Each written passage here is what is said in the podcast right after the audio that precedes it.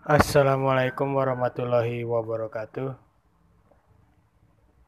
Hmm, Sejak lama setelah saya buat podcast pertama saya hampir satu tahun yang lalu itu menceritakan tentang pengusaha muda tapi mulai saat ini saya akan menceritakan story of my life.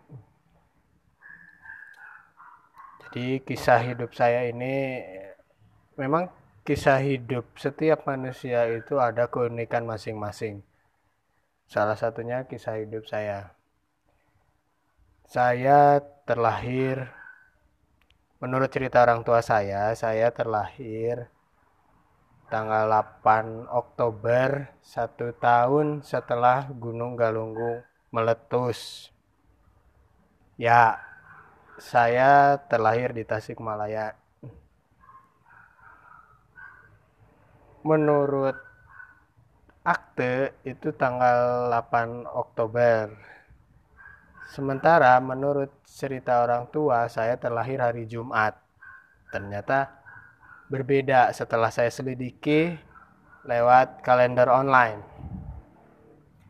Jadi Anda bisa menebak umur saya sekarang berapa, saya lahir tahun berapa, Anda bisa menebak.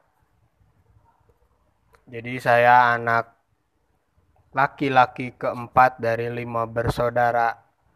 Yang pertama laki-laki, kedua, ketiga, saya keempat. Adik saya bungsu, cewek satu-satunya, perempuan satu-satunya. Nah, waktu itu diceritakanlah, saya sebut saja, nama saya Jejen Jainal. Itu di seluruh identitas saya Jejen Jainal. Saya harap tidak ada oknum yang mencatut nama saya untuk melakukan kejahatan.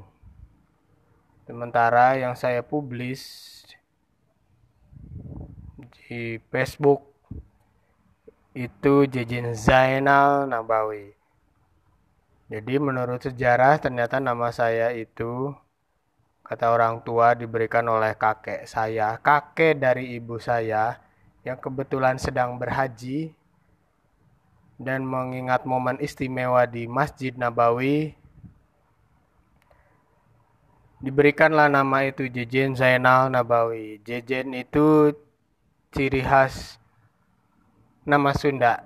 Kalau Zainal itu pahlawan dari Tasikmalaya, Nabawi itu ada kisah amazing untuk kakek saya almarhum waktu sholat di Masjid Nabawi. Ya ini saya masih berputar di sekitaran saya baru lahir. Itu menurut cerita orang tua saya.